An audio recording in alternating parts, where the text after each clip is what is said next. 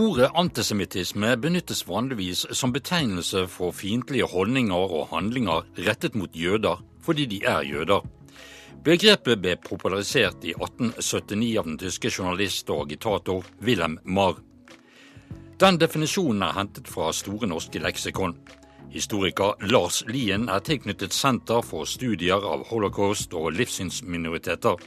I en ny doktorgradavhandling har han tatt for seg antisemittisme i norsk dags- og vittighetspresse mellom 1905 og 1925. Men hvordan den oppsto, forklarer Lars Lien slik. Når det gjelder samfunn, så må vi se det litt eh, fra altså Før perioden før 1905 så hadde man altså med nasjonsbyggingsprosjektet osv. hvor man eh, hadde et felles fiendebilde gjennom å komme ut av union med Sverige osv.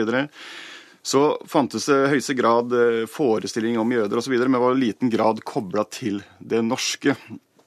Etter 1905 så får man en, eh, vi får et, eh, skal, et nytt samfunn, man skal bygge landet. Vi får på en måte vår industrielle revolusjon.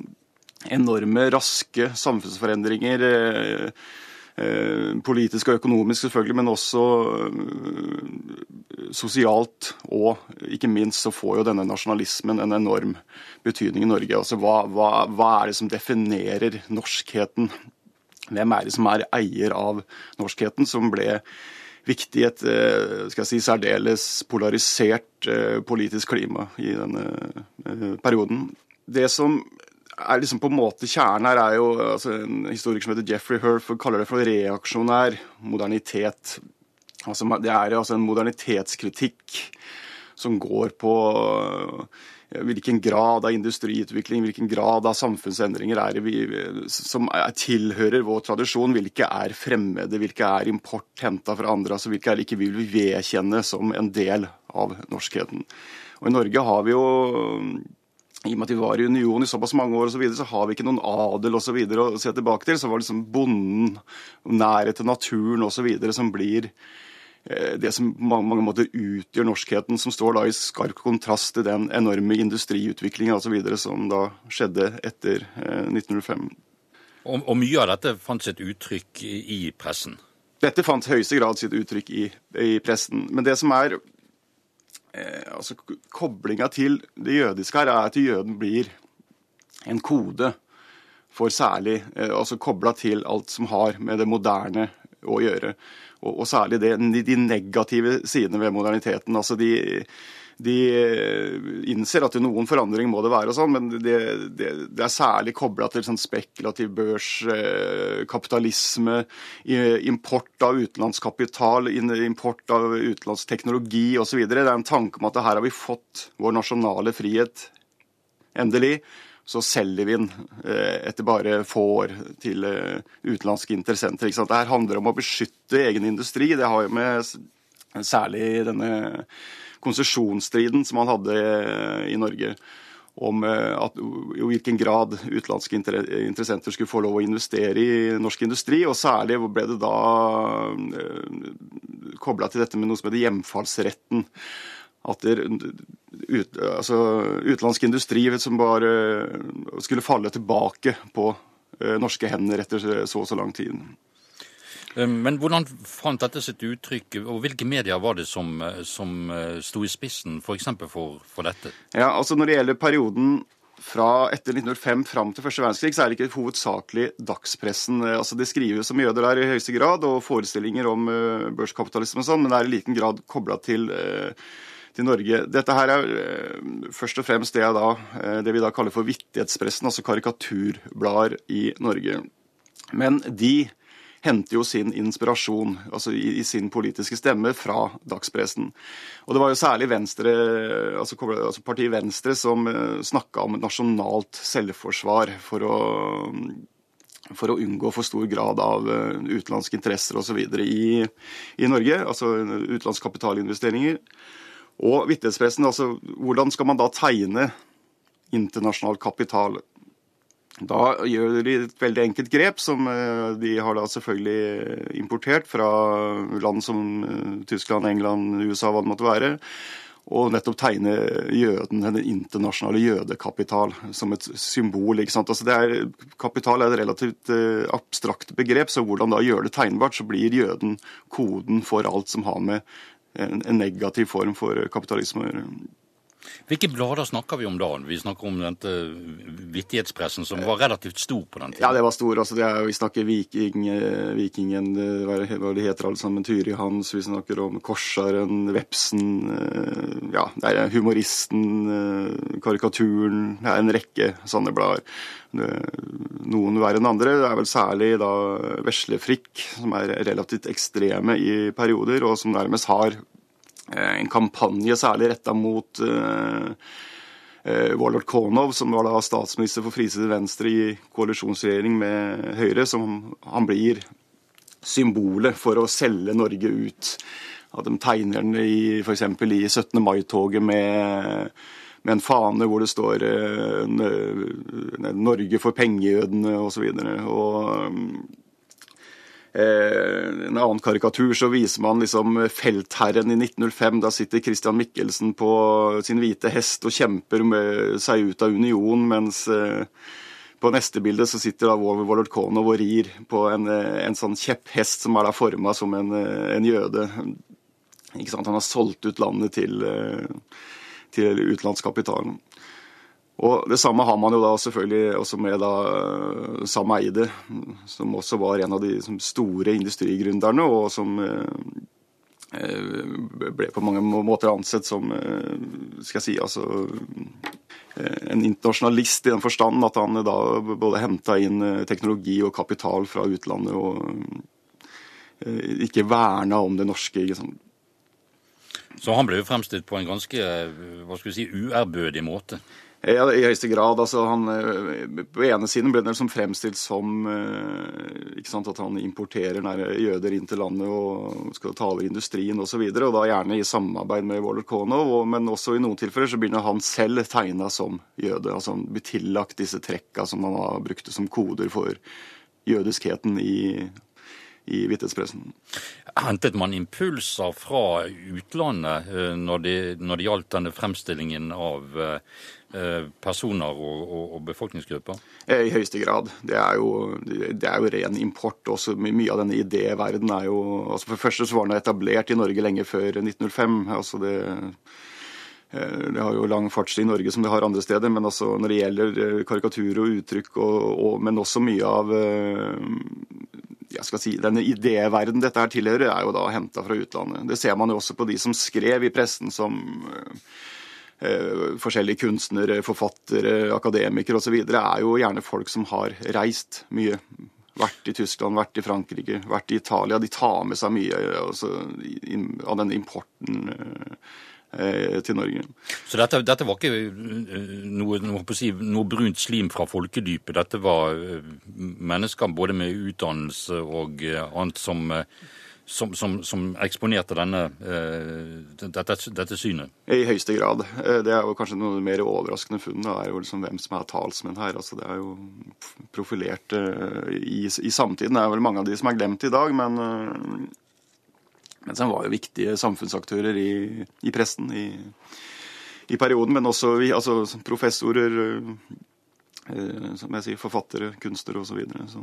Altså, det mest rabiate er jo også da en selvtitulert antisemitt, i den forstand at han anså det som en hedersbetegnelse, er jo da Nils Kjær. Han var jo særlig da kjent for eh, teaterkritiker, og han skrev også en del skuespill, men også var også en heftig samfunnsstemme. og veldig, Han var jo på, til en periode Norges best betalte journalist. Han ble jo da, jobba jo først for Aftenposten, og ble etter hvert da nærmest kuppa av Tidens Tegn. Og han, var, han må jo da betraktes som en av de virkelig ekstreme. Altså han eh, både var i alt uh, antisemittisme, men også lefling med, sånn tidlig lefling med fascismen. Men da særlig retta mot fascismen i Italia, vel å merke. Altså mot Mussolini. Så eh, her, her kom eh, si, inspirasjonen fra, fra, utlandet. Eh, vittighetspressen var jo én ting som vi har snakket litt om nå. Men dagspressen, hvilke aviser var det som var førende i dette synet her, da? Altså, De kommer virkelig på banen etter den russiske revolusjonen. Når disse forestiller at det er jødene som står bak, står bak bolsjevikene. ikke sant? Og da er det jo da særlig selvfølgelig konservative avisene og bondepresten som er som er uh, hovedaktøren i dette her, og leda an særlig da av uh, Aftenposten og Tidens Tegn og uh, ikke minst selvfølgelig Nasjonen. Men hvordan ga dette seg uttrykk i f.eks. Aftenposten og, og, Tidens Tegn og Nasjonen? Selv om de, de skriver side opp og ned med om hvordan jødene, jødenes blodbad i Russland osv., men det de egentlig angriper, er den norske arbeiderbevegelsen. altså etter, eh, etter første verdenskrig, altså de første åra, så har man en reell revolusjonsfrykt i Norge. Altså Arbeiderpartiet stiller seg utenfor demokratiet, parlamentarismen, utenfor det nasjonale, snakker altså internasjonale arbeiderbevegelse osv. Altså, og blir jo da, eh, og denne koblingen til jødene er jo nettopp gjennom deres internasjonalisme. Det er jo, Om man snakker om kapitalisme eller om, eh, om bolsjevisme, så er det liksom det internasjonale aspektet som er den sentrale koblingen til, eh, til jødene. At de selger eh, Norge for egen makt. altså men eh, den store forskjellen på den perioden før første verdenskrig og etter er jo altså brutaliteten i pressen, altså blodmetaforen og, hvordan man bruker eh, jøden som en skremselspropaganda mot uh, i håp om å skal jeg si, både vekke norsk arbeiderklasse, som de da vil jo selvfølgelig ha inn i sine egne rekker, som mener blir utsatt for dette her kriminelle som arbeiderbevegelsen holder på med og, om å hjelpes til å komme inn i den nasjonale orden igjen, i den nasjonale ro, den borgerlige, den borgerlige ro. Har du noen eksempler på måter dette ble fremstilt på? Altså, det, det, mest liksom, tydelige er jo da eh, i valget i 1924. Da er jo arbeiderbevegelsen kommet på defensiven. Arbeiderpartiet er splitta, altså kommunistpartiet og Arbeiderpartiet. Eh, og er jo på mange måter nærmest knesatt i forkant av valget, men det er jo her de virkelig skal ta det en gang for alle. og De bruker bl.a. jøden da for å lokke særlig hjemmesittere og da kvinner til stemmeurnene ved å fortelle hva som vil skje. Altså, dette her handler ikke om, eh, om, politikk lenger, som de sier, men dette handler om Norges frihet. Aftenposten trykker bl.a. Eh, siste, altså, siste dagen folk går til stemmeurnene, på forsiden en svær eh, karikatur av en jøde som uh, står og tråkker på det norske flagget mens han firer da uh, kommunistfana opp i toppen av flaggstanga. Og det brenner og ryker i bakgrunnen osv. Så, videre. så det inngår i en sånn uh, ja, en polemikk mot arbeiderbevegelsen, men som er relativt heftig i, i perioder. Dette med at man gikk til å si, Brukte jøder som, nærmest som metafor i, i, denne kampen. Førte det til eh, ytringer? For vi hadde jo eh, en, en voksende jødisk befolkning i, i mm. Norge. Tok de til, eh, til orde? De tok noen ganger til orde, ikke ofte. altså De var jo opptatt av en, jeg si, en lavprofilert integrering, men, men, innimellom så prøvde de å ta til orde. Det som var ofte problemet, var at de at de forsøkte å få motinnleggene sine i de avisene i konservative aviser, i bondeaviser, hvor uh, disse artiklene i utgangspunktet ble presentert, men, uh, men, fikk da ikke de gjennom. Så de måtte gjerne da f.eks. presentere dette her i, i arbeiderpressen.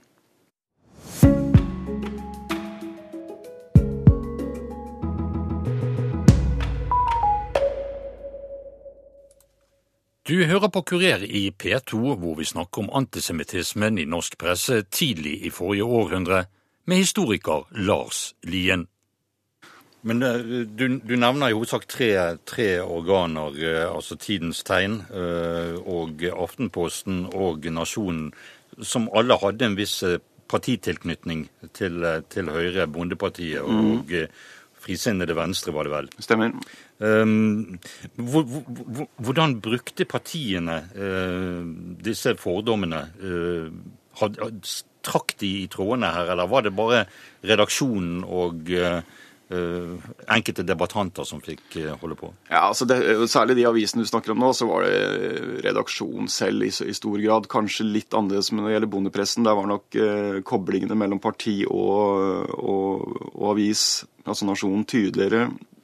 Men Men nettopp aviser som Aftenposten osv. var jo opptatt av sin skal jeg si, nærmest, om ikke selvstendighet, men å ikke være partistyrt på samme måte som Eh, som f.eks. arbeiderpressen er, som er mye mer underlagt, i større grad underlagt partiet. Og det var jo til dels bondepressen også, litt, eh, litt forskjellig eh, rundt omkring i landet, men i mye større grad enn hva den konservative pressen og da Når det gjelder frisinnede, så er jo altså Tidens tegn er jo større enn partiet.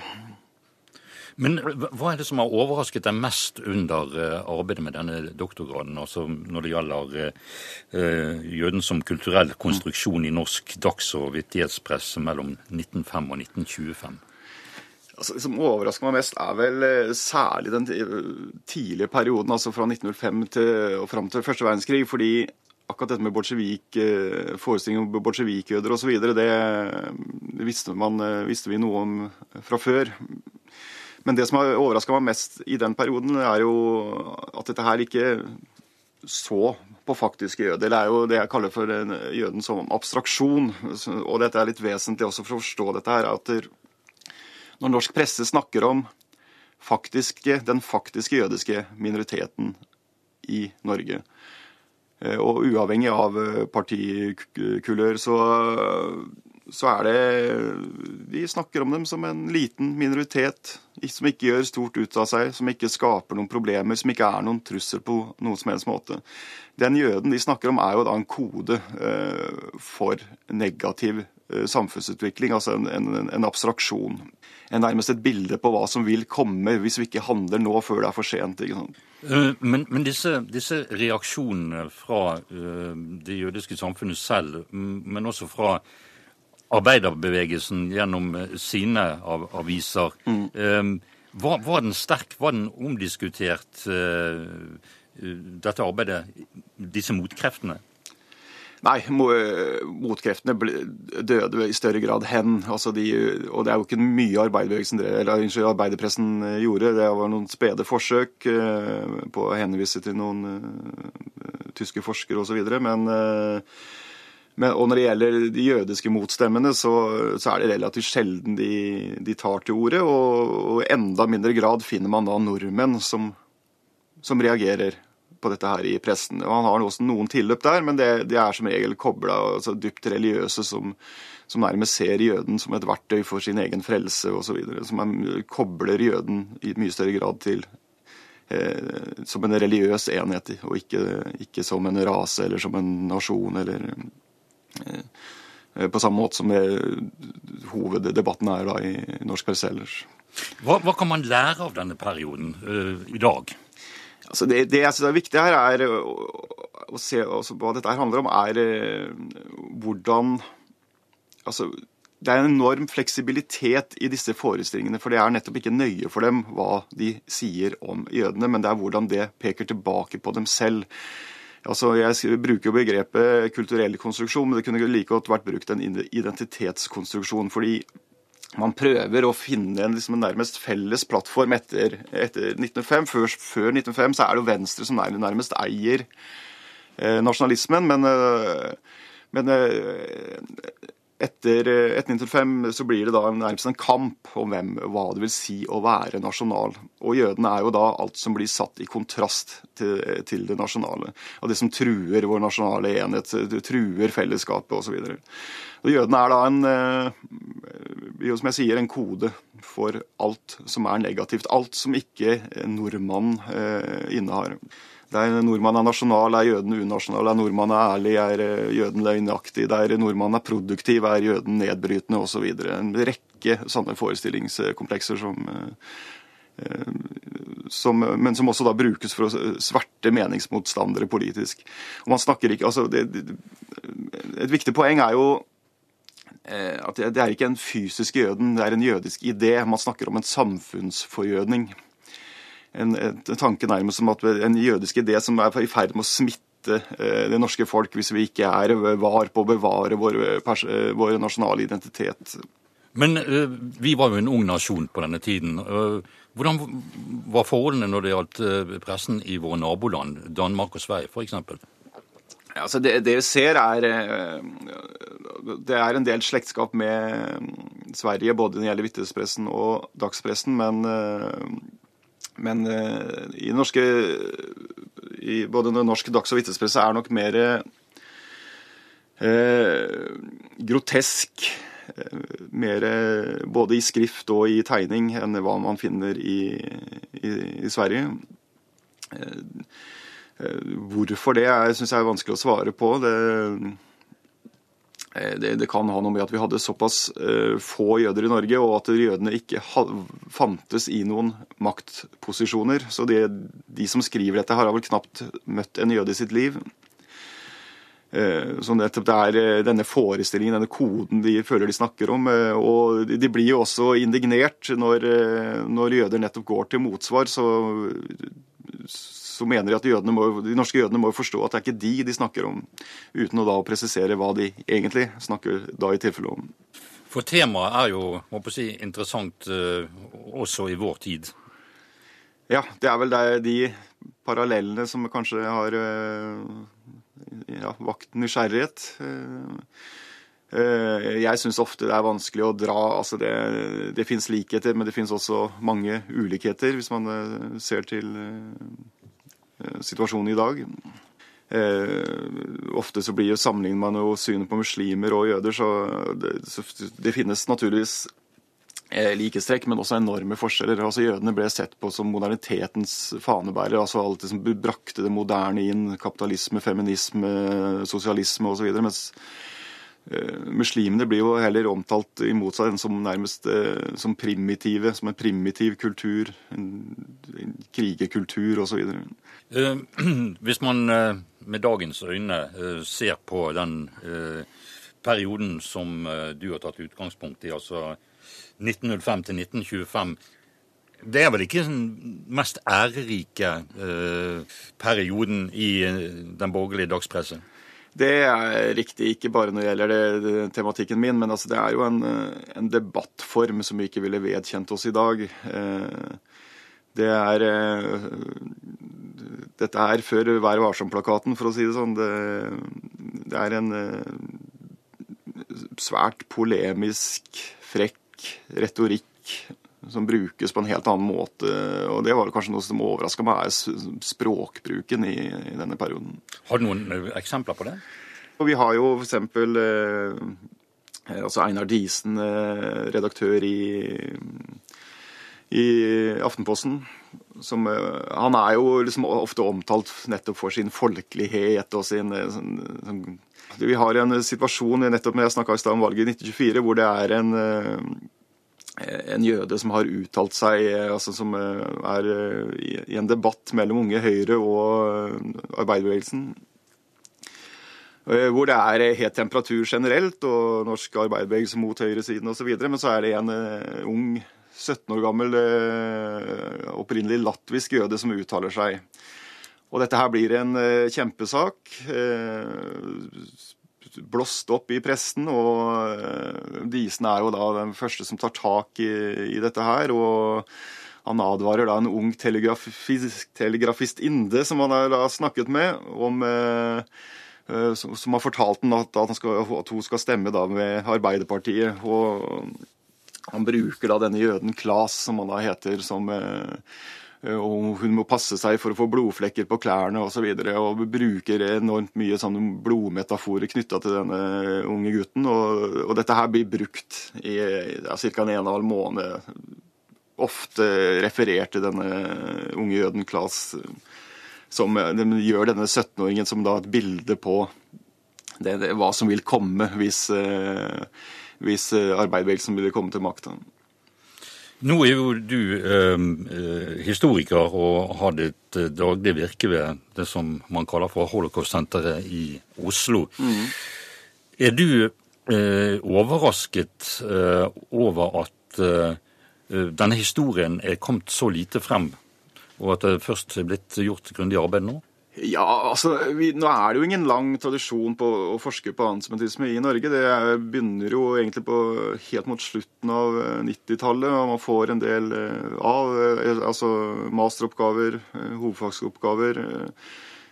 Så det har jo, særlig når det gjelder deportasjon av de norske jødene, sånn, har jo vært litt sånn subjektløst eh, fram til den perioden. Altså, man skriver lite om hvem som sto bak osv. Og, og, og når det gjelder norsk antisemittisme, har det vært sett lite på. Noen arbeider har vært gjort. altså Vi har jo Eh, Mendelssohn som skrev, jeg husker ikke når den kommer ut på 60-tallet. Han, eh, han, gjør ingen analyse, men han nevner en del eh, fra norsk presse. Så har vi også Per Ole, per Ole Johansen, som den kommer på 80-tallet, hvis ikke jeg husker feil.